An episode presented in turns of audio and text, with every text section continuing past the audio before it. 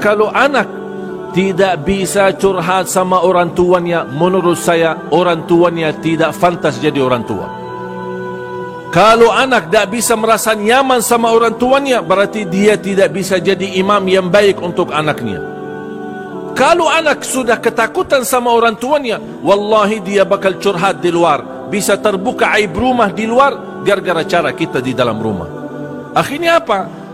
Jatuhnya di tangan orang yang buruk, orang yang jahat, salah arahkan, akhirnya menjadi anak kita yang tidak saleh. Baru kita nyesal kalau sudah mendengar berita-berita perilaku anak kita. Itu dosa siapa? Lo dosa kita. Tetap tanggung jawab kita. Anak kita apa lagi di zaman sekarang? Mohon maaf Bapak Ibu, zaman sekarang ini banyak luar biasa godaan fitnah. Cuba lihat anak-anak kita. Silahkan Bapak Ibu lihat sendiri. Siapa sekarang anak sudah bisa jalan, sudah bisa main handphone? Betul nggak? Sudah mulai bisa jalan, sudah main handphone.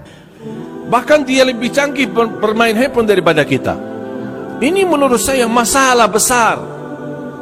Karena berjam-jam anak kita habis bersama HP. Bahkan kalau ibunya lagi kesal ingin anaknya diam, kasih HP. Udah nih, ih, ih, bikin pusing. Lama kelamaan anak kita dilalaikan dari kewajiban, dari zikir, dari salat, sudah jadi besar, sudah jadi balik. Habis itu ibu curhat. Susah anakku salat. Sudah dinasihati, sudah didoain, tapi masih susah salat. Maaf bu, Iman Umar, anak ibu berapa? Sudah 20 tahun. 20 tahun baru dia sadar anak dia tidak bisa salat kalau bukan berlindungan Allah Subhanahu wa taala dan doa kita bahaya kondisi anak kita. Sering saya menyampaikan kita sebagai orang muslim insyaallah Bapak Ibu saya yakin insyaallah insyaallah masih mempertahankan Islam iman sampai akhir hayat.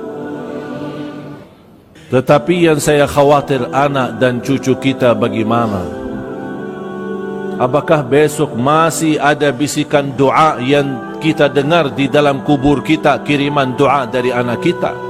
Atau anak kita sudah berbaling daripada kebenaran? Kita tidak tahu. Kalau kita sudah mati sudah selesai kita tidak tahu bagaimana anak kita. Apakah masih mau salat? Apakah masih mau ngaji Al-Quran? Apa masih mau mendoakan orang tuanya? Kita tidak tahu tapi kalau kita memperjuangkan, mendidik dia mencintai Al-Quran, mencintai salat, mencintai sedekah, mencintai Allah dan Rasulnya, kemudian kita meninggal, tidak ada kekhawatiran. Bahkan Allah akan turunkan malaikat kepada orang tua tersebut, Allah takhafu wa la tahzanu. Jangan sedih, jangan takut. Jangan takut atas apa yang akan dihadapi besok dari kubur, dibangkit, hisab, mungkar nakir, jangan takut. Wala tahzanu, jangan bersedih atas anak-anak yang sudah ditinggal. Allah akan urus mereka. Ini berita gembira dari malaikat bagi orang-orang yang salih yang berhasil memimpin anaknya. Jangan khawatir. Jangankan Allah akan jaga anak kita, Allah akan jaga karena keberkahan orang tuanya, kesalihan orang tuanya. Allah jaga anak dan cucunya sampai tujuh keturunan. Jangankan satu anak, sampai tujuh keturunan. Dan itulah buktinya di suratul kahfi.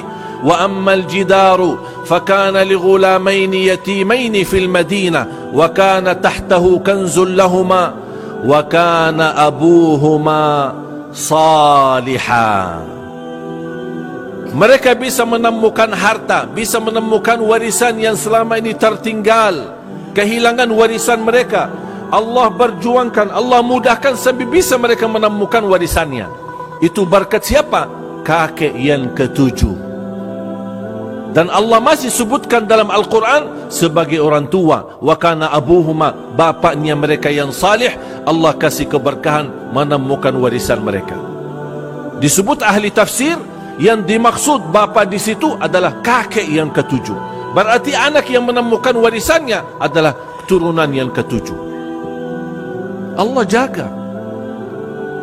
Kita hanya punya tugas adalah mendidik anak kita mencintai agama, mencintai Quran, mencintai Allah, mencintai Nabi Muhammad sallallahu alaihi wasallam. Itu tugas kita. Selebihnya serahkan kepada Allah. Kita sudah ikhtiar dan kita menunjukkan kepada Allah Subhanahu wa taala supaya Allah berikan yang terbaik. Di samping itu doa. Doa Bapak Ibu. Jangan ada di antara kita putus asa terhadap kesalehan anaknya. Doa setiap waktu dan setiap saat. Bahkan Allah Rasul sallallahu alaihi wasallam melarang orang tua mendoakan anaknya celaka. Maka Rasulullah SAW melarang orang tua mendoakan celaka terhadap anaknya. Terjadi apa-apa, kata Rasulullah, nanti orang tuanya yang, yang menyesal. Sebaliknya, doalah yang baik. Ya Allah kasih petunjuk. Ya Allah lindungi anakku. Ya Allah berikan hidayah. Ya Allah jauhkan dari lingkungan yang tidak baik. Ya Allah lindungi dari kejahatan manusia Dari keburukan dunia